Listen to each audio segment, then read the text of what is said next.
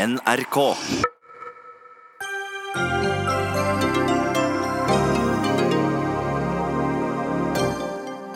Strømprisene til værs, er det bare tørken, eller er det elavgiften og utenlandssalg av strøm som er årsaken? Dyrt blir det, uansett. Valget i Pakistan i dag herjet av vold, selvmordsbombing og manipulering, og toppkandidaten Imran Khan kan bli diskvalifisert. Mer kritikk mot turistindustrien. Vet egentlig reiselivsbransjen hva fremtidens turister ønsker seg på en drømmeferie blant fjord og fjell i Norge?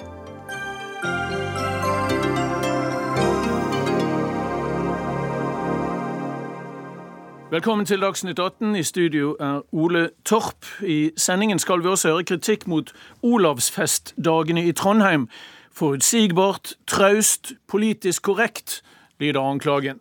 Men først til eh, strømprisene her i landet. Det blir mye dyrere å bruke strøm fremover. Prisen kan øke med så mye som 30 det neste halvåret. Det betyr at en vanlig husstand kanskje må ut med over 4000 kroner mer i år enn de måtte i fjor. Først til Svein Taksdal, fungerende direktør i hydrologisk avdeling i NVE, eller Norges vassdrags- og energidirektorat. Hvem har skylden for at eh, strømprisene øker så fryktelig nå? Det er vel vanskelig å gi noen skyld direkte, men eh, vi har et kraftsystem i Norge som er veldig naturbasert. Og naturen er lunefull. Det blir vått og det blir tørt om hverandre. Så vi kan ikke direkte, jeg vil ikke plassere direkte skyld på det først og fremst værgudene. Men samtidig er det ikke en stor nyhet at det er mye vær i Norge, så man kunne kanskje uh, se for seg at man kunne uh, være obs på at været skifter, og, og, ta hensyn til det når man planla uh, strømleveransen og produksjonen. Ja, mange vil kanskje stusse over at vi hadde en rimelig snørik vinter, i hvert fall slik som mange så det. For eksempel det, ja. Eh, nå er det riktignok slik at mye av den snøen lå på områder hvor mange så den, men ikke nødvendigvis der den var mest for kraftsystemet. Så sett fra et kraftperspektiv så var det en ganske normal snøvinter. Og så fikk vi jo, som mange husker, en ganske ekstrem vårsituasjon. Tidlig varme. Veldig mye av den snøen smeltet unna i en voldsom fart. og Sånn sett ble flomtap, ikke kom inn i kraftmagasinene. Så per dags dato så har vi betydelig mindre effekt av snøvinteren i kraftsystemet enn man skulle ha forventet. Det Så du sier at, strøm, at, at, snøen la seg også lavere nede enn eh, Delvis la den seg lavere nede. Enn der magasinene? Altså, mange så at det var mye snø i Nordmarka eller der de har hytte på Sjusjøen, men det er, kraftmagasinene er først og fremst enda høyere til fjells, i stor grad. Eh, men ikke minst, veldig mye av snøen forsvant før den ble utnyttet. Eller det kom så brått at den kunne ikke utnyttes i kraftmagasinene. Okay. Men Så, samtidig ble jo vannmagasinene tappet ned uh, for at vi skulle eh, forhindre flom. Var det så lurt? Ja, de ble tappet ned, noen. De som ligger lavt, ble tappet ned der det var stor flomfare. De høytliggende kraftmagasinene ble ikke tappet ned. Og vårflommen var så intens at den mer enn fylte opp den nedtappingen. Så den nedtappingen i forkant av vårflommen, under vårflommen, har ingen effekt på dagens situasjon. Men så er det Taksdal, veldig mange som reagerer på at vi eksporterer jo en god del kraft her i landet, eller strøm her i landet, utvunnet av, av kraften vår. Og nå må vi kanskje importere. Eh, hvordan, hvordan henger det sammen? Ja, Så langt eh, vi ser det i NVE, så er det i stor grad et resultat av at det har vært politisk bestemt at vi skal ha en markedsstyring av kraftomsetning i Norge. Eh, nå er det relativt gode priser på kraft i Europa. Fossil energi er dyr, CO2-avgiften har gått opp. Så det er lønnsomhet i å selge kraft, samtidig som det er ikke så lite vann, lite vann, i kraftmagasinene som man kanskje får inntrykk av. I øyeblikket ligger vi på ca. 60% fylling av breddfulle magasin. mens Normalt så ligger vi på 75% på den tiden. Men dette er helt innenfor den variasjonen vi må regne med i et kraftsystem som er så naturbasert som vi har nå. Men jeg vil bare ikke helt slippe spørsmålet om vi kunne beholdt noe av denne strømmen selv istedenfor å selge den. Hadde det vært praktisk mulig? Noe mer kunne vi sikkert tatt vare på i vannmagasinene, men det er ingen stor problem heller å da kjøpe kraft hvis man trenger seinere. Og så langt som vi har sett nå, så har markedet håndtert denne situasjonen helt greit. Vi ser ingen stor dramatikk. Vi ser ingen eh, perspektiver som tyder på at det vil bli mangel på kraft i Norge. NVE følger situasjonen tett, og dersom dette skulle endre seg, så vil man selvsagt gå inn med den verktøykassen man har for å regulere. Men per dags dato så ser markedet og ut til å styre det helt greit. Markedet styrer det hele. La meg gå til Barbro Auestad, som er i Fagforbundet Industri Energi, områdeansvarlig der. Um, det virker som strømmen er blitt en eh, handelsvare, Auestad. Kunne vi unngått strømkrisen hvis den ikke hadde vært det? Eh, ja, så klart kunne vi jo det. Altså Etter endringa av energiloven i 2000, nei, eh, på, tidlig på 90-tallet, så har jo dramatiske endringer skjedd. Og vi så jo det etter vinteren 2009. Da var det jo Eh, en sterk nedtapping og strømkrise. Og siden det så har vi jo advart flere ganger om eh, overdrevet strømeksport. Eh, for magasinene her i Norge, de store vannkraftmagasinene som var utbygd av industri Hei, da mistet vi tydeligvis vår vår uh, industri energi. Um, da med Barbara Østad. Vi skal ringe opp igjen til henne. La meg gå til Oluf Ulseth, som er administrerende direktør i Energi Norge. Um, det er jo dere som har valgt å, å eksportere strøm og vannkraft. Betyr det at dere påtar dere litt av skylden for at prisen nå øker? Så I et felles europeisk kraftsystem så er det til fordel både for norske forbrukere og norske samfunn både gjennom bedre forsyningssikkerhet og mindre variasjon i strømprisene. Men det vi har eh, trukket frem i dag, er jo at eh, det folk betaler som strømregning, er jo både kraftpris, det er nettleie og det er eh, avgifter. Men, men norsk strøm er blitt en stor handelsvare, ikke sant? Norsk strøm er selvfølgelig en handelsvare for både forbruker og industri i Norge. Og vi har omfattende, vi er en del av et europeisk system og har utveksling med land rundt oss som er en stor fordel. Eh, og eh, Det betyr jo i praksis at når prisen er som høyest i Norge, ja da blir de litt lavere gjennom import. Og når de er som lavest i Norge, så blir de litt høyere gjennom eksport. Og De fleste forbrukere setter jo pris på mindre variasjoner. Men som vi akkurat har hørt, vi har et værbasert system. Eh, mye fornybar energi er værbasert. Det er klart, Da vil det være variasjoner som følger det. Og Det er det noe av eh, det vi har sett nå. Eh, og som gir konsekvenser da selvfølgelig inn i, i kraftmarkedet og inn i systemet. Men jeg skjønner det, det ut... at, at, folk flest setter pris på en jevn kraftpris, men det er vel tvilsomt om de fleste setter pris på en jevn høy strømpris? Det er jeg enig i, og det er jo noe av det vi har tatt frem. at eh, Når vi ser utviklingen til folks strømregning over tid, så ser vi at andelen skatter og avgifter har økt. Og eh, økt eh, over de siste ti årene så mye som 60% nominelt. Og på ett vis kan du si at politikerne har brukt år med lave kraftpriser til å øke avgiftene, og så blir det veldig synlig nå som prisene har kommet noe opp igjen. Eh, sånn at eh, Her er det jo mange elementer som spiller inn i hva folk betaler.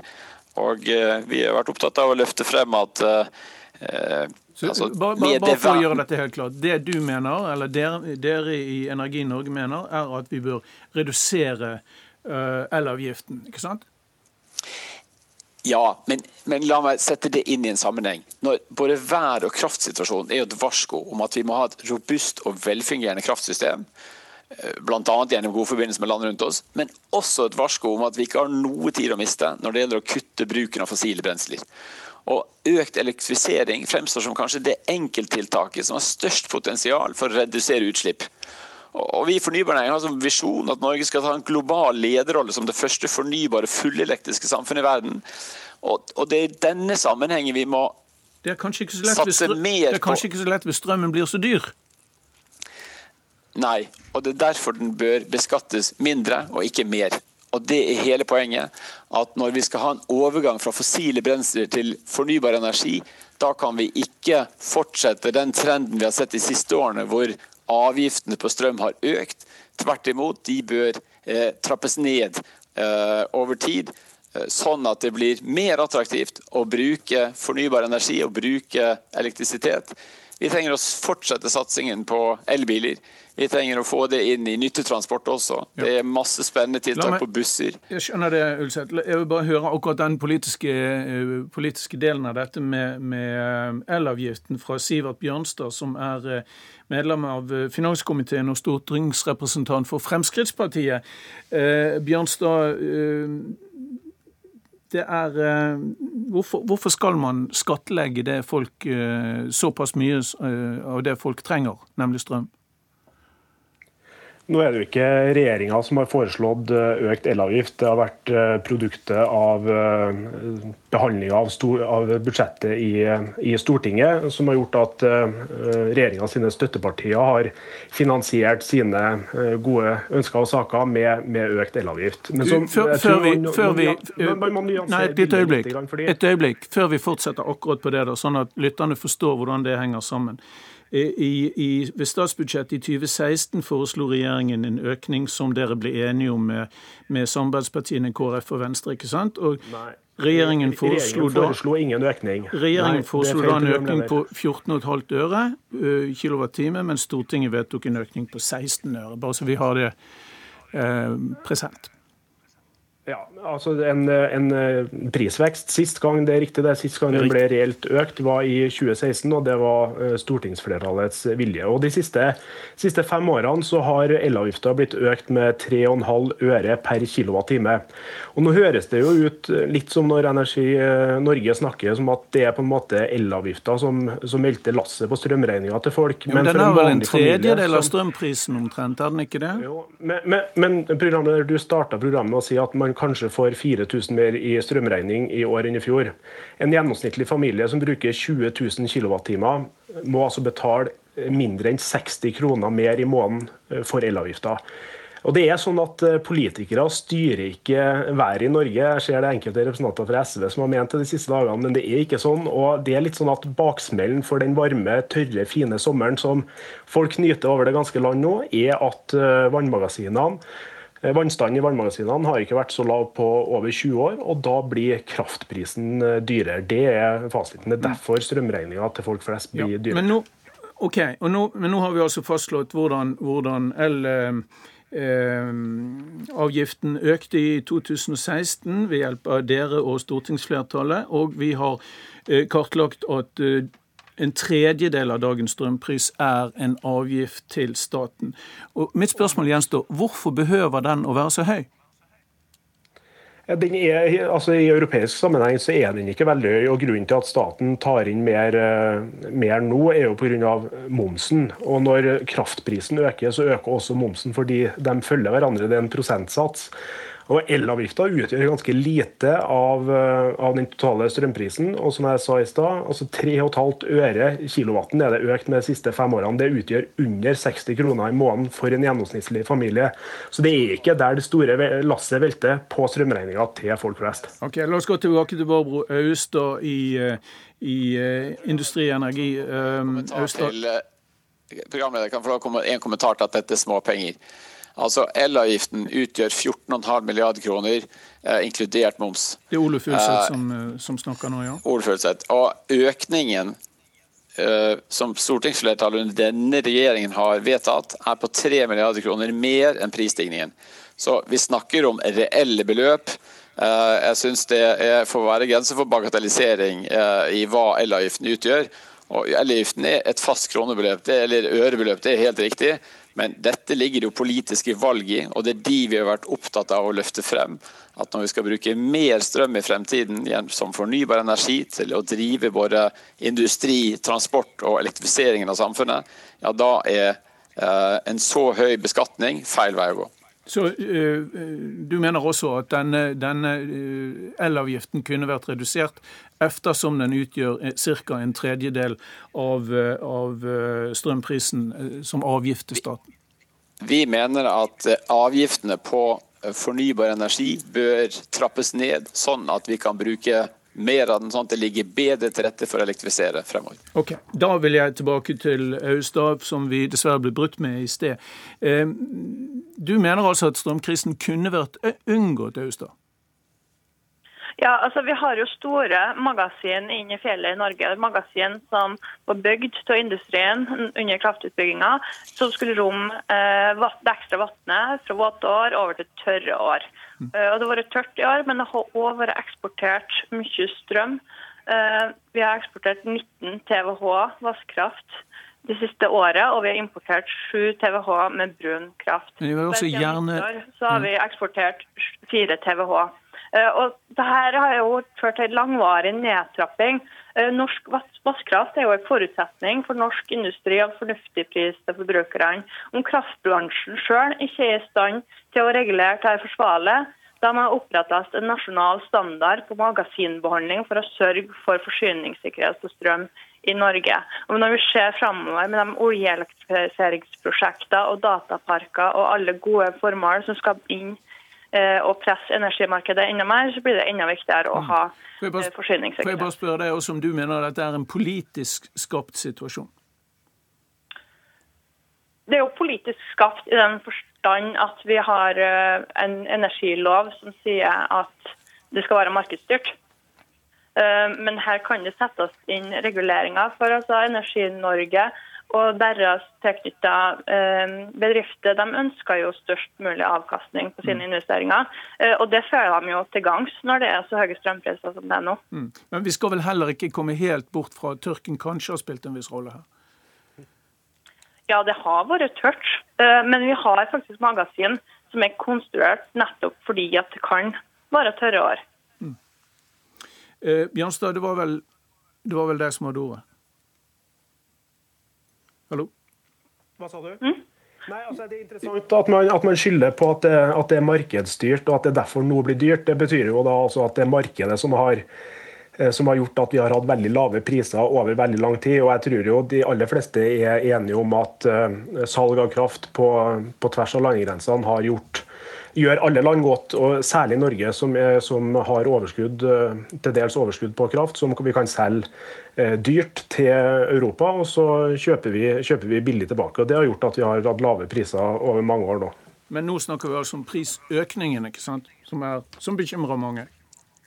Ja, det er klart det. Og, og, jeg er enig med Energi Norge. Frp skal selvfølgelig se på alle skatter og avgifter. Vi ønsker å, å, senke og kutte i alle skatter og avgifter. Det er jo derfor vi også har redusert skattene og avgiftene med 25 milliarder kroner de siste fem årene. Så det er vi selvfølgelig med å se på. Mm, men ikke elavgiften. La oss gå til eh, Randi Flesland, direktør i Forbrukerrådet. Er det ikke litt urimelig Randi Flesland, at energiselskapene selger kraften vår til utlandet for å snu seg rundt og, og uh, gi oss regningen, holdt jeg på å si. Ja, Det er jo forbrukerne som betaler regningen. Så det er klart at her har man et ansvar for at forbrukerne skal få et best mulig tilbud på alle mulige måter. Både i forhold til forsyningssikkerhet og i forhold til pris. Eh, og her er det mange typer problemstillinger vi har vært innom, og det har vært mange tall. Eh, det er jo grunn til å stille spørsmål om hvorfor ikke NVE og myndighetene for øvrig ikke stiller krav til reserve gjennom hele året, sånn at man også på andre deler av året kanskje ikke tapper ned like mye, sånn at man får en sikkerhet, og at man ikke får disse prisøkningene. Og så har det jo vært snakk om alle avgiftene. La oss bare ta akkurat den med Svein Takstad. Ja, Vi i NVE mener jo da at denne, dette er ingen krise enda. Vi er godt innafor det som er en normal variasjon. Så vi ser ingen grunn til å gripe inn i markedet så langt. Altså Vi har 60% av breddfulle magasin per dags dato. Dette er helt klart innafor det som håndteres greit. Uh, da er det jo grunn til å stille spørsmål hvorfor forbrukerne skal betale 30% mer da, på strømregningen. Ja, og det er på samme måte som forbrukerne i mange år har i praksis betalt mindre enn det som ville vært en fast regulert pris som vi hadde før energiloven. Eh, så alt tyder på at over tid så har det blitt billigere for forbrukeren, men det svinger mer enn før. Og det merkes ekstra sterkt når det svinger så kraftig som det ser ut til å svinge nå, ikke sant? Det vil de gjøre. Og da er det litt opp til forbrukerne også hva slags strømavtale man gjør osv. Men det er på en måte en konsekvens av at vi har et marked. Men vi ser ingen, vi vil ikke si at dette er noen krise enda. Og Det generelle bildet med handel med utlandet er jo, som det ble sagt i Norge, at Norge tjener store penger på å selge dyr kraft og kjøpe billig tilbake, som igjen også kommer forbrukerne til gode. Men akkurat i øyeblikket går jo prisen opp, og vi ser også at nettselskapene tar ut ganske høye utbytter, som igjen forbrukerne betaler for. Og forbrukerne må betale for at det skal være store investeringer i nettet videre. Så det, regningen kommer hele tiden til oss. Um, Oslo Economics har gjort en analyse for Huseiernes lands, uh, landsforbund, hvor de så at i 2016 tok nettselskapene ut et utbytte på 1,3 milliarder. Det er jo forbrukerne som har betalt for, og kanskje det heller skulle bruke til energieffektivisering eller andre ting. Vi ser Enova-avgiften som skal hjelpe til effektreduserende tiltak. Hvorfor får ikke forbrukerne mer av det? Kanskje det hadde vært mer riktig. Vi fikk 7% av det i 2017, og ellers så går det til andre ting. Men det er nå den ene saken. Det er liksom litt sånn større eh, myndighetsspørsmål. Det som er viktig, er kanskje på helt kort sikt nå, jeg og du som forbruker, hva skal vi gjøre nå ja, for å redusere vi, ja. strømregningen? Redde oss så best vi kan. Ja. for å dra den litt videre. Eh, det aller første du bør gjøre, er jo å gå inn på strømpris.no, som er denne eh, strømbyttetjenesten som Forbrukerrådet har, som har absolutt alle produkter, alle strømproduktene, med riktig pris. Det er faktisk det eneste stedet du finner alle de riktige prisene. Eh, og da velge den billigste. Og så håper vi jo da at hvis det er veldig mange som velger den billigste, så kanskje de andre skjønner at de også må sette ned prisene. Sånn den gode gamle, en, gode, gamle, konkurransen. det er en god, eh, gammel konkurranse. Og så er det faktisk sånn at strøm er strøm. Du skal ikke være lojal mot et strømselskap. Du merker ikke forskjell verken på lukt eller smak eller noe som helst hvis du bytter strømselskap. Du bare får litt mer penger i lommeboka som du kan bruke på noe morsommere. Så det er i hvert fall det første du bør gjøre. Og så er det alt det vi trenger å gjøre i hverdagen, ikke sant. Du har snakket i radioen før i dag om ja. Eh, varmekabler som kanskje er unødvendige akkurat nå, og vi kan eh, henge klesvasken ut. Ja, og vi kan se på når vinteren kommer, trenger vi å ha det fullt så varmt? Kan vi kanskje senke én grad? Vi kan gjøre en del ting hjemme. Og med smarthus og ny smartteknologi så er det også muligheter eh, til å skape, lage litt strøm selv. Sånn er det. Eh, takk skal du ha, Randi Flesland i eh, Forbrukerrådet. Og takk også til eh, Svein Taksdal i NVE, Barbro Austad i eh, Industri Energi, Oluf Ulseth i, eh, i Energi Norge og Sivert Bjørnstad fra Frp. Dagsnytt 18 alle hverdager kl 18.00 på NRK P2 og NRK2.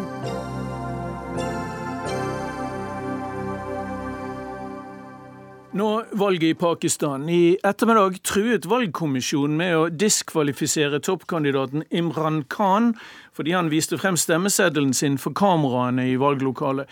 Flere mennesker ble tidligere i dag drept av en selvmordsbomber ved et valglokale i provinsen Balutsjistan.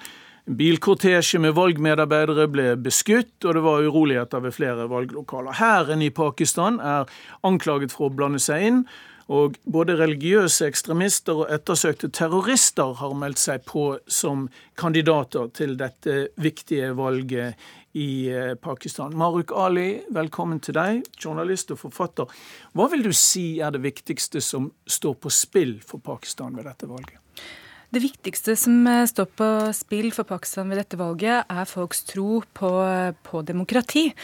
Eh, så på mange måter så kan man si at dagen i dag eh, er en dag man bør glede seg over i et land som Pakistan, der man går fra en demokratisk valgt regjering til en annen. Forhåpentligvis. Det er det folk tror.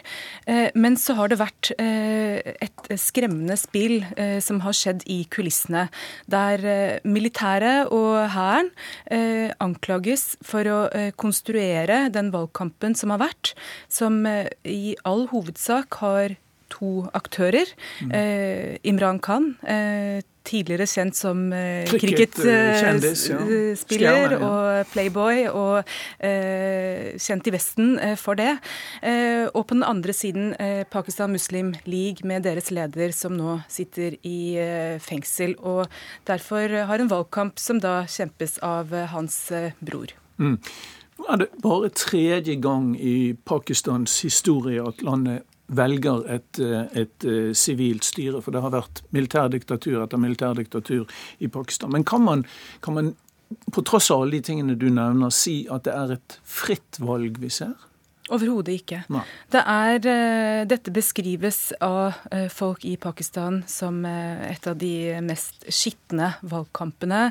Og også i dag så har selve dagen vært preget av store uroligheter. Du var inne på det innledningsvis. 31 mennesker ble drept i et selvmordsangrep utført av en motorsyklist i Quetta, som er hovedstaden i provinsen Balochistan. Og ellers har det vært store uroligheter i hele landet. Det til tross for at ehm, eh, det er satt ut eh, militærtropper som skal overholde sikkerheten i landet. 371 000 tropper. En enorm politi- eh, og hærmønstring ja, over hele landet. Som burde hindret, hindret, det. Og disse har da også store, utvidede fullmakter. Folk har blitt kastet i fengsel de siste månedene, så selve opp opptakten til eh, valgdagen i dag har vært eh, svært dramatisk. Så på overflaten så handler dette om Eh, en Imran Khan som eh, vil bli den neste statsministeren i landet fordi at eh, han mener at lederen i det andre partiet er korrupt, men Og sitter i fengsel. Og sitter i fengsel. Men har en stedfortreder i sin bror. Ja. Men så er det da slik, og dette er et stort men, Human Rights Commission i Pakistan sier dette er valgfusk. Dette er en skammens dag, mener mange pakistanere. Spaltister som skriver fritt, får ikke lov lov til det. Det er ingen fri presse i Pakistan. Det har jo vi eh, sett bl.a. med TV 2-journalisten Kadafi Saman, som ble eh, arrestert og kastet i fengsel. Den største engelskspråklige avisen i Pakistan, Dawn, eh, har fått eh, blokkert sin distribusjon i landet. Så den, den, eh, hva skal man si, den valgkampen da, som vi eh, tenker at foregår, som handler om Imran Khan mot korrupsjon og Nawaz Sharif som da sitter i fengsel, det, det er er eh, et spill for galleriet. Og så er det slik, hvorfor har eh, Nawaz Sharif og Muslim League, som eh, har sittet ved makten i så mange år, hva har skjedd der? Jo, de har utfordret Han har, han har nok utfordret eh, militærets eh, makt. Mm. Eh, som du sier, militæret har kontrollert Pakistan halvparten av tiden Pakistan, Pakistan, ble et land i 1947, og halvparten av den tiden har vært direkte kontrollert av hæren. Men eh, indirekte har eh, militæret alltid styrt. De mm. eh, faktisk Militæret og den, og den meget kjente etterretningsorganisasjonen ISI, som, som, som, har en hånd i dette. Men vil du gå så langt som å si at uh, det er et uh, skjult militærkupp vi er vitne til nå? Altså Det som har vært eh, det som sies i Pakistan, eh, er jo det. Eh, Imran Khan, som da støttes av militæret. Det vi har sett de nå siste månedene, har vært Det har vært jeg hørte 17 000 eh, medlemmer av Pakistan Muslim League har gått over til Imran Khans parti. Eh, folk har blitt tvunget til å bytte partier, folk har blitt kastet i fengsel. Eh, og så har du da Imran Khan. Hva betyr det i så fall, hvis han blir statsminister? Ja, hva betyr det? Han er jo, som vi var inne på, kjent som cricket-helt og playboy i noen, noen sammenhenger. Um, og han anklages for å ha disse altfor tette båndene til hæren. Men han har jo også um, noen anklager mot seg for å være rett og slett en mann som har bekjempet liberale stremninger, kanskje spesielt uh, uh, feminisme, og som flørter med islamister og Taliban både i Afghanistan og i Pakistan. Langt på vei gjør han det. Dette det er et populistparti. Eh, I historisk sammenheng i Pakistan, der det har vært familiedynastier i stor grad som har styrt, så er det også nokså eh, nytt sånn sett. Det kom som litt frisk pust, men det gjør ofte politiske aktører i Pakistan. Før, som med Imran Khan, som trolig nå ser at dette som Eh, vil kanskje være hans siste sjanse til å bli statsminister. Han er 65 år gammel. Ehm, og, ehm, og, og jeg tror nok dette eh, ønsket om makt eh, er så, så sterkt. Og så mangler partiet ehm, Det hevdes at det mangler en ny politisk plattform der. Han har ingen løsninger på problemene som Pakistan står overfor. Han, som du sier, flørter med ekstremister. Nesten mer enn det. Pakistan har verdens strengeste blasfemilover. Han vil styrke de ytterligere, gjøre de enda strengere. Gå inn for dødsstraff for uh, spotting av, av profeten, f.eks. Ja, og han, flørt, han har sagt at Taliban i Afghanistan de kjempet hellig krig. Han har støttet de. Um, så det er uh, stor grunn til å være bekymret. Og jeg, jeg tenker Pakistan som sliter spesielt med økonomien. De sliter med uh, befolkningsvekst. En tredjedel av befolkningen lever under fattigdomsgrensen. Uh, det er de utfordringene en leder burde løse. Og så har vi en mann i det siste minuttet vi har, som vi må snakke med om. fordi det er, det er veldig mange i Norge som vet om Butto-klanen. Og nå er det kommet en, en, ny, den unge Bilawal Butto Sardari, som er sønn av Benazir, som ble myrdet i 2007 mens hun drev eh, valgkamp. Han kan komme på vippen og være den som skaper en koalisjon, koalisjon i den ene eller andre retning. Ja, og, og eh, Bilawal han er jo eh, ganske ung. Eh, gikk nettopp ut av Oxford, men det er klart at Bhutto-dynastiet har en sterk historie. Hans eh, morfar satt ved makten, ble kuppet og hengt av militæret, og så ble moren myrdet av eh, Taliban i 2007. Eh, men kan hende det kan være støtte, støtteparti. men vi får se om noen år. denne gang i denne valgkampen så har han Eh, holdt ordbruken nokså nøktern. Jeg tror folk i Pakistan lengter etter løsninger på problemene som de har. Eh, så det vil eh, mulig at det kan bli et støtteparti. Vi får se. Valglokalene er stengt i Pakistan. De teller for harde livet. Resultat neppe før i natt. Kanskje går det enda flere dager. Tusen takk skal du ha, Maruk Ali, for at du kom og forklarte oss om dette.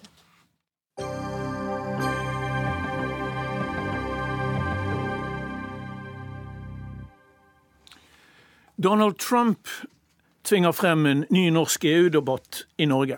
Ja, på en måte.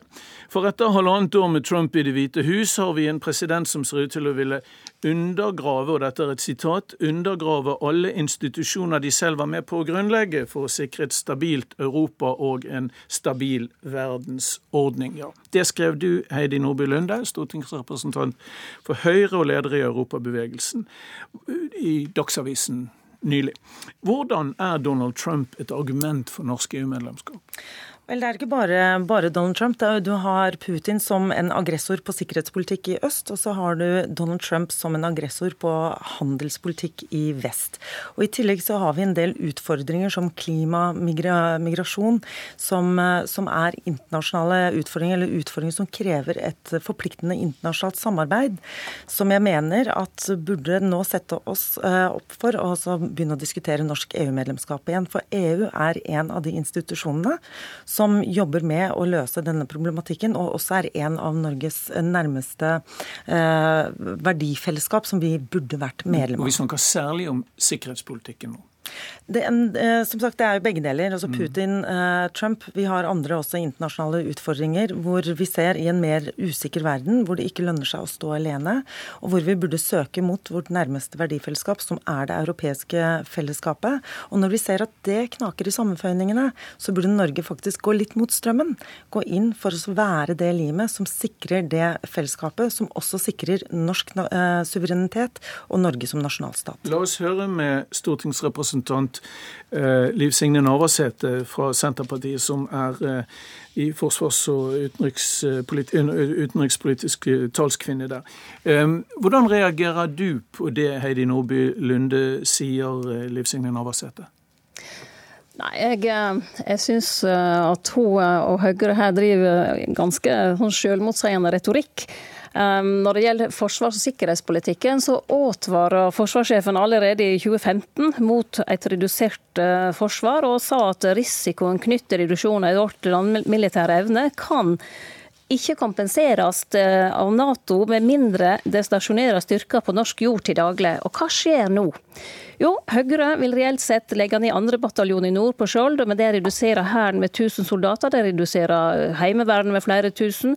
De vil legge ned eh, flybasen på Andøya, og vips er USA inne med sine P8 overvåkingsfly og amerikanske soldater. Det kommer òg amerikanske soldater inn eh, i nord, for slik sett, og de kan jo kompensere de norske. Altså Akkurat det forsvarssjefen advarer imot. Og så Så Høyre altså svekker med sin politikk det nasjonale norske forsvaret. Og så gjør Nordby Lunde og Høyre det kunststykket og så tvil om vi kan stole på de samme allierte som de inviterer inn både på Andøya og i nord altså da USA sine styrker. Og så bruker de det som argument for at uh, vi skal få realisert Høyre sin evige drøm om EU-medlemskap. Det er ganske snedig, men det er egentlig uh, de andre ord kanskje jeg ville brukt på det. Hvilke ord ville du brukt da, Liv Signe Navarsete? Jeg ville, jeg ville, faktisk sagt at det er en, en, måte å drive politikk på som ikke er Norge verdig. Norge trenger et sterkt nasjonalt forsvar. Eh, vi trenger å, å kunne stå opp for våre interesser og verdier. Og vi vet jo at i Nato så kan vi styre vårt eget forsvar. Eh, skal vi inn som EU-medlem, vel, da er ikke det lenger vi som styrer vårt forsvar. I Nato har vi greid nå å få fokus på nordområdet, og her har jo regjeringen vært med og jobba for det. Men Nordby Lunde sår jo tvil om alt nå som vi vi jobber med i Nato. Hvordan Nordby Lunde reagerer på at dette er en politikk som ikke er Norge verdig. Jeg syns det er veldig sterke ord, og det høres nesten ut som at det har vært varmt i, i Norge veldig lenge når Navarsete velger å tolke meg i den retning. For det første, la oss skille litt hatter her. Jeg er leder av Europabevegelsen, og det er i den forbindelse jeg går ut i Dagsavisen og sier at med den sikkerhetspolitiske situasjonen vi har i dag, med Putin på den ene, ene siden, en Trump på den andre siden som starter en handelskrig, så vil det være sunt å få i gang EU-debatten, eh, nettopp fordi jeg mener at Norge hører gjennom eh, hører eh, i, vårt naturlige verdifellesskap, som er det europeiske fellesskapet. Fra det så er det ikke noe forskjell mellom å bygge opp om det som er Nato, som er, eh, vil, eh, vil være og er hjørnesteinen i norsk sikkerhets- og forsvarspolitikk. Og Når det gjelder da oppbyggingen av det norske forsvaret, så har jo Høyre tatt ansvar i regjering og nettopp gjort den jobben som Senterpartiet ikke gjorde da de satt i regjering, hvor Forsvaret gikk for lut og kaldt vann, hvor man ikke investerte i å opprettholde den infrastrukturen infrastrukturen man trengte. Man brukte Forsvaret som eh, distriktspolitikk istedenfor å sørge for forsvarskapasitet.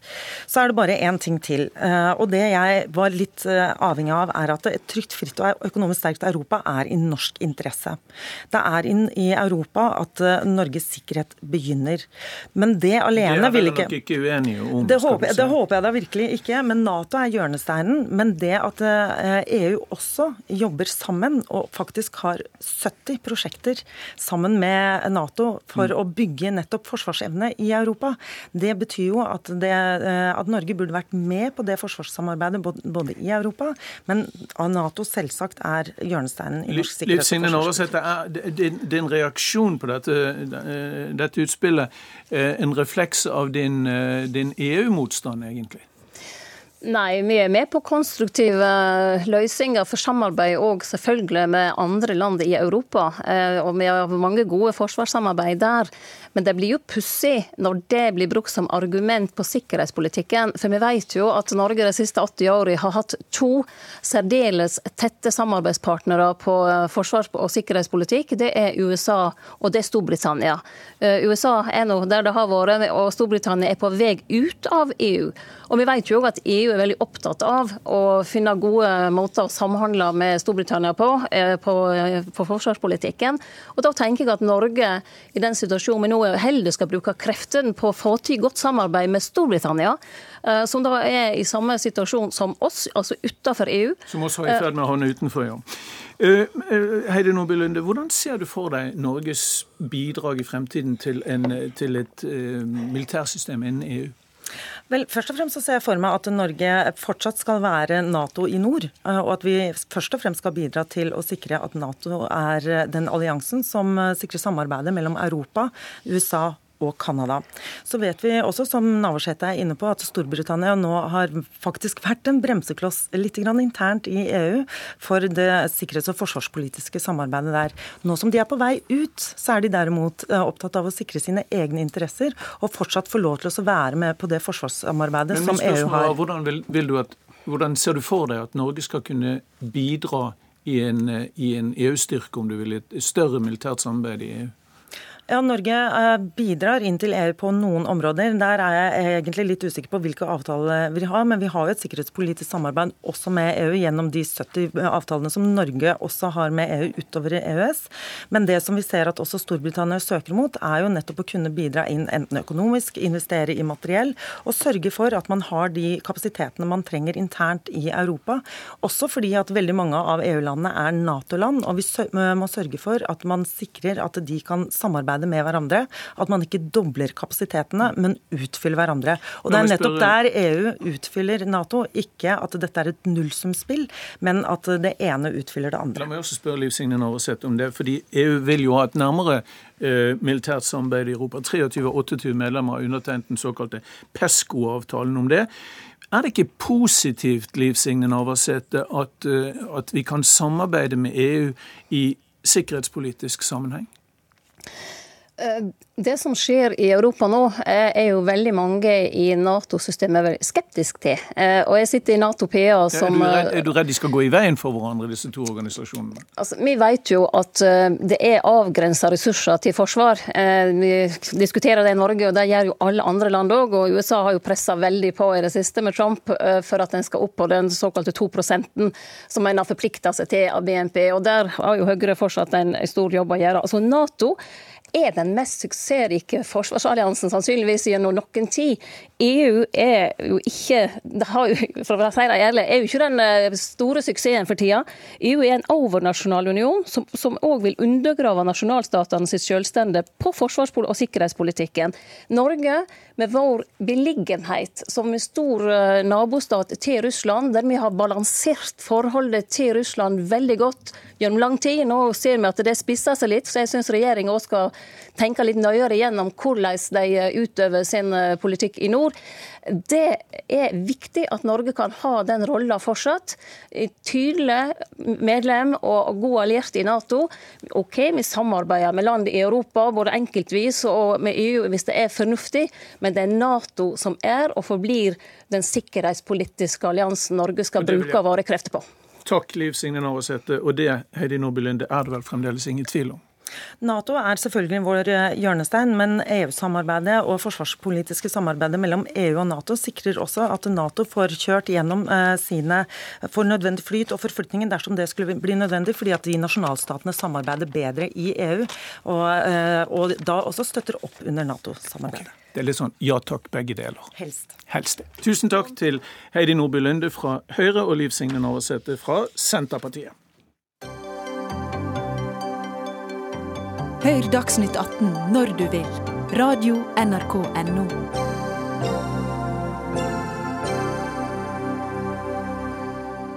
Så åpner Olavsfestdagene i Trondheim på lørdag, men ifølge musikkanmelderen Espen Selvik preges Olavsfestdagene av å være politisk korrekt, hvor ingen skal støtes og alle skal med. I Dagbladet i dag bruker han ord som traust, forutsigbar og ufarlig. Så hva er problemet, Espen Selvik? Jeg syns at disse norske festivalene ligner altfor mye på hverandre. Det skal være slik at det skal være hyggelig, alle skal få lov å komme dit. Alle disse målgruppene, pensjonister, barn og unge, oss i midten, alle andre. Og så skal det være innvandrere, det flerkulturelle. Og så lager man sånne pakker. Det går omtrent inn på Rema 1000 eller Meny. og så, Det er ikke noe galt med varene som er der, noen er ganske bra. Men det blir liksom Dette har vi hørt før, dette har vi sett før, dette har vi opplevd før. Du, du mener at de blir for make? Veldig make. Jeg har ikke noe imot fantastiske artister som Sigvard Dagsland og Stein Torleif Bjella og flere andre. De er fantastiske, de. Og det er gøy å høre på de under Olavsfestdagene i Trondheim. Men du kan høre de helgen før og helgen etter mange andre steder. Så du, du mener det mangler en slags egenart? Jeg syns det. Men er ikke Olavsdagen en egenart? Av, avholdes i Trondheim til minne om Olav den hellige, og det har en kirkelig um, Eller i hvert fall en, et snev av kirkelig uh, aksent, i motsetning til alle de andre festivalene her? Jo da, det er sant. Du har jo veldig mange festivaler eh, hvor de drikker øl hele tiden og, og hører på, og knapt hører på, hører på musikken. Jo da, men det er, der, det er, jo det jeg også skriver i kommentaren min i Dagbladet, at eh, de har dette som en fantastisk mulighet. Denne tusen år gamle historien som er sann med Olav den hellige som døde, og som de bygget Nidarosdomen, og vi minner hans altså Han er en, et ikon eh, osv. Pilegrimer for hele verden har gått der i tusen år. Men dette gjør gjør samtidig at man er så redd for å støte noen. Man er så redd for å forarge. Jeg skulle ønske de kunne gjøre litt mer vågale ting. Petter Myhr, du er direktør for Olavsfestdagen. Hvordan skal du forarge folk i år? Um, det gjør vi ved å være utfordrende overfor alle. Vi ønsker å omfavne alle og utfordre alle. Vi Hva er det skal... som er mest utfordrende i år? Eh, bare det at vi har kropp som tema, er ganske utfordrende for mange. Det at vi henter en transseksuell luthersk prest fra San Francisco. Og Grace vi, Jones. Det at vi henter Grace Jones. Det er provoserende for mange, kanskje. Hvorfor ikke? Men altså, hun har en kropp som synes, en ikonisk kropp. Hun eh, gjør noe med det der som du forestiller deg som mannlig og kvinnelig, som hun, hun gjør litt utydelig. Eh, hun har en eh, bakgrunn som er interessant for oss, og som vi løfter fram og andre festivaler ikke løfter fram. Nemlig at hun har en, eh, vokst opp med besteforeldre som banka kristendommen inn i henne. Eh, en stebestefar som var voldelig. Der, der, der er den kristne vrien på Grace Jones. Ikke bare der. Hun kommer til å synge 'Amazing Grace' i Borggården. Flott. Ja, det høres ut som det er en aksent på dette. Det er jo ting. Men altså, Trondheim og altså, Jeg kommer jo fra Bergen. Uh, det, det, det, men vær klar over én ting. Uh, vær klar over en ting. Altså, Bergen har veldig mye å takke Trondheim for. For det var for, til og med en trønder som skrev Bergenssangen i 1790. Jo. Johan okay. Nordahl Brun. Men... Så Jeg liker jo denne festivalen. Jeg liker eh, Olavsfestdagene, men dere ligner altfor mye på alt andre. Problemet med kommentaren din er at du ikke skjønner hva vi holder på med, eller hvorfor vi holder på med det. Vi ligner på ingen andre, faktisk. Vi har en helt annen agenda. Eh, du kaller oss en kirkemusikkfestival. Det er vi faktisk ikke. Eh, du beskriver religion som en aktivitet som er parkert for spesielt interesserte. Det er vi helt uenig i. Vi har verdier som handler om at vi skal bry oss om tro, håp og rettferdighet. Det preger alt det vi gjør. Alle artister blir kontekstualisert på en annen måte hos oss enn hos andre. Så har vi et verbalprogram som du framstiller som politisk korrekt. Det er et ord jeg aldri bruker, for jeg syns det er et meningsløst ord.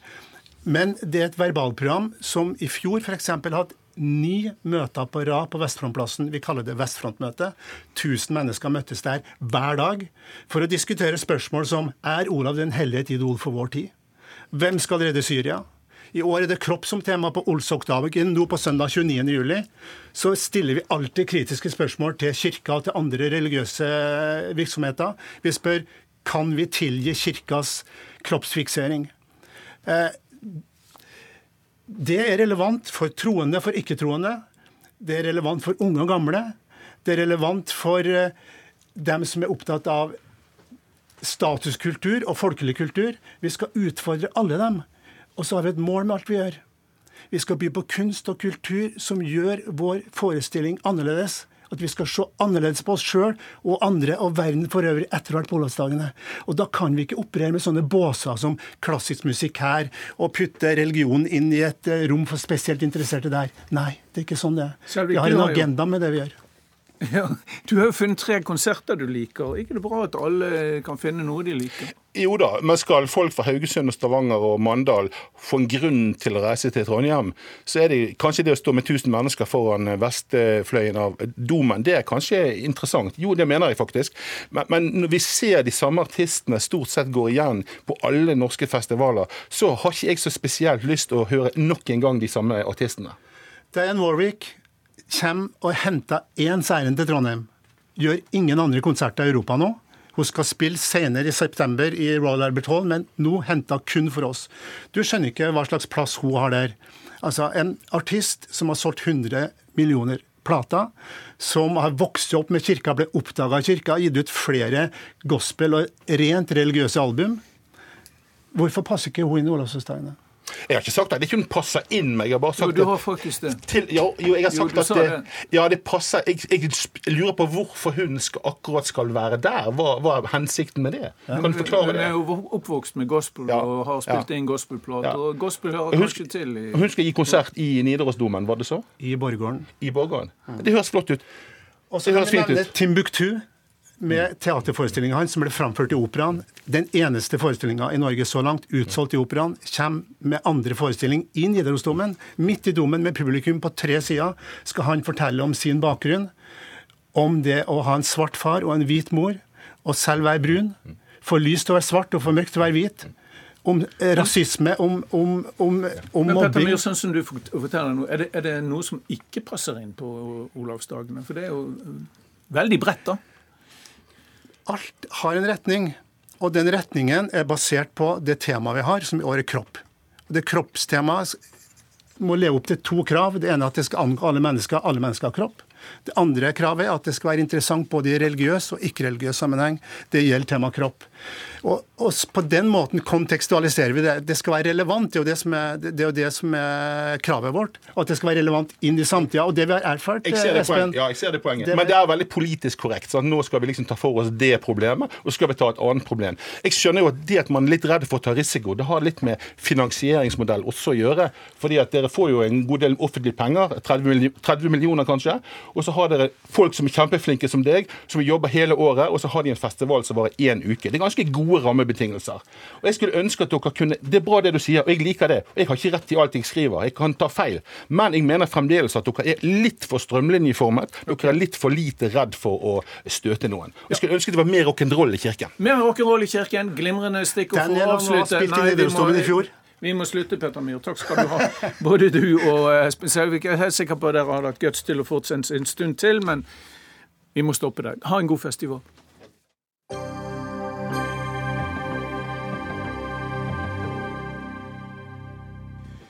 Støy fra cruiseskip, forsøpling langs naturstier og kø til Preikestolen. Overturisme er i ferd med å bli et økende problem i Norge. Jeg håper Reiselivs-Norge har en god plan for hvordan de skal håndtere dette, for ellers kan det bli veldig stygt, skriver Odd Roar Lange, reiselivsjournalist og forfatter. Hvorfor kritiserer du Lange eh, Reiselivs-Norge på denne måten? Først og fremst fordi jeg tror ikke at reiselivet har en plan B. Eh, vi har ikke noe Planet B heller, så og når vi ikke har en plan B, så tror jeg det blir trøbbel. Eh, kommer nå, det kommer nå en reiselivsplan eller en handlingsplan som det sier at det mest bærekraftige reisemålet i Europa, basert på lønnsomme og tilgjengelige naturopplevelser, det skal være cruise Vestlandet fram til 2020. Dette høres fint ut, men det er ikke sånn det er i virkeligheten. Det er bare å se ut gjennom vinduet hvis du bor ved en av verdensarvfjordene i Norge og ser at det er søppel i lufta, søppel i sjøen og søppel på land. Kristian mm. Jørgensen er administrerende direktør i Fjord Norge. Dere er blant dem som tjener massevis av penger på, på, turister i Norge. Hvorfor gjør ikke dere det Lange sier og tenker på en turistnæring i, i fremtidsperspektiv? Ja, nå er Fjord Norge turistråd for Vestlandet, så vi, vi, selv tjener ikke noe penger. Men det er klart reiselivet på Vestlandet tjener bra med penger. Det, dere eh, genererer penger til, eh, til eh, næringslivet? Ja. Det er riktig. og det jobbes med det å, se på det og få på, plan gode, altså få på plass gode planer. Men, men Odd Råa har helt rett. Det er for dårlig, for svake planer i forhold til i utgangspunktet den utviklingen vi ser. Og det er et prekært behov for at myndigheter, reiseliv, aktører som egentlig profitterer på reiselivet, kommer sammen i utgangspunktet og definerer et tydelig fremtidsbilde, og derigjennom en klar plan, spesielt i forhold til Vestland og deler av Nord-Norge, på hvordan vi håndterer den positive, men samtidig utfordrende veksten vi kommer til å se i årene fremover. Mm. Eh, Audun Pettersen, leder for eh, bærekraftig reiseliv og mat eh, i Innovasjon Norge. Du er også enig i mye av det Odd Roar Lange skriver? Ja, jeg syns Odd Roar har ganske mange gode poenger i sin debattinnlegg i BT i dag. Ja. Men det er én ting som jeg syns er veldig viktig, for man veldig ofte så trekker man fram én del av turismen, og det er cruiseturismen. Jeg er opptatt av å se på helheten på et reisemål. Både landbasert, men også det som kommer sjøveis fra. For nå føler jeg at man, man, man, man drar den litt for langt og liksom trekker ut én del av, av næringa. som er viktig for mange aktører oppover hele Norges kyst. Men dere bruker altså omkring 280-290 millioner kroner i inneværende år på å markedsføre produktet Norge utenlands. Det er mye penger hvis man er bekymret for overturisme. Det er det. Eh, og hvis man har fulgt med litt de siste årene sammen med norsk reiselivsnæring, så, er man, kan man enhetlig bare kjøre all den markedsføring på der det er mest mulig trafikk, dvs. Si i sommersesongen. Men man vil fortelle andre typer historier om Norge som reisemål, og andre steder enn det kanskje man eh, normalt har gjort. Mm. Um, Odd Roar Lange, i, går skrev Bergens Tidende om en suvenirbutikk i Flom kommune som tjener over 50 millioner kroner i året på å selge suvenirer. Skal vi være negative til en næring som hjelper norsk økonomi på den måten? Nei, ikke nødvendigvis. Og jeg er ikke mot cruiseturisme sånn i sin, i sin helhet. Men cruise har den laveste verdiskapninga av all turisme vi har i Norge. Eh, samtidig så er det den som forurenser aller mest, og da er det ikke så veldig rart at, eh, at skytset blir retta i den retninga. Mm. Og I løpet av dagen i dag så har jeg fått mange tilbakemeldinger fra folk som har prøvd å være kritisk til cruisenæringa, og de blir mottatt med, eller motarbeida med trusler eh, og krav om å, å, holde kjeft og trekke seg tilbake. Og det kan eh, stå om stillingene deres osv. hvis de ikke, eh, ikke holder kjeft. Og Da skjønner du hvor sterke krefter dette her er her handler om. Så, så hvem, er som, hvem er som truer med dette? Det, det er cruiseaktører, spesielt de som selger cruiseskip til Norge. altså For å få dem til å komme hit. De som tjener mest de kommer også med truslene. Norge promoterer seg nå som 'powered by nature', men hvis vi fortsetter sånn som vi gjør nå, så blir det 'powered by pollution'. Og Det er utenlandske journalister som har tatt kontakt med meg og vil komme til Norge og vil se dette med egne øyne. De har sett bildene fra Geiranger, fra Flom. De har sett også overbefolkninga, eller overturismen, i Preikestolen. Og nå ser jeg at dette sier jo Eh, noe Audun, Audun Pettersen er enig i, at det er for mye turister enkelte plasser. Allikevel neste uke så flyr de altså inn journalister til Preikestolen for å fortelle at Preikestolen er i Norge. I forbindelse med Mission Impossible-filmen. Filmen, ja. Um, ja, la oss gå til Audun Pettersen. Altså, det er jo byer i Europa hvor de maler 'Tourists Go Home' på, eh, på veggen. Eh, for de er så lei av turister at eh, de ikke orker eh, å gå i kø med dem lenger.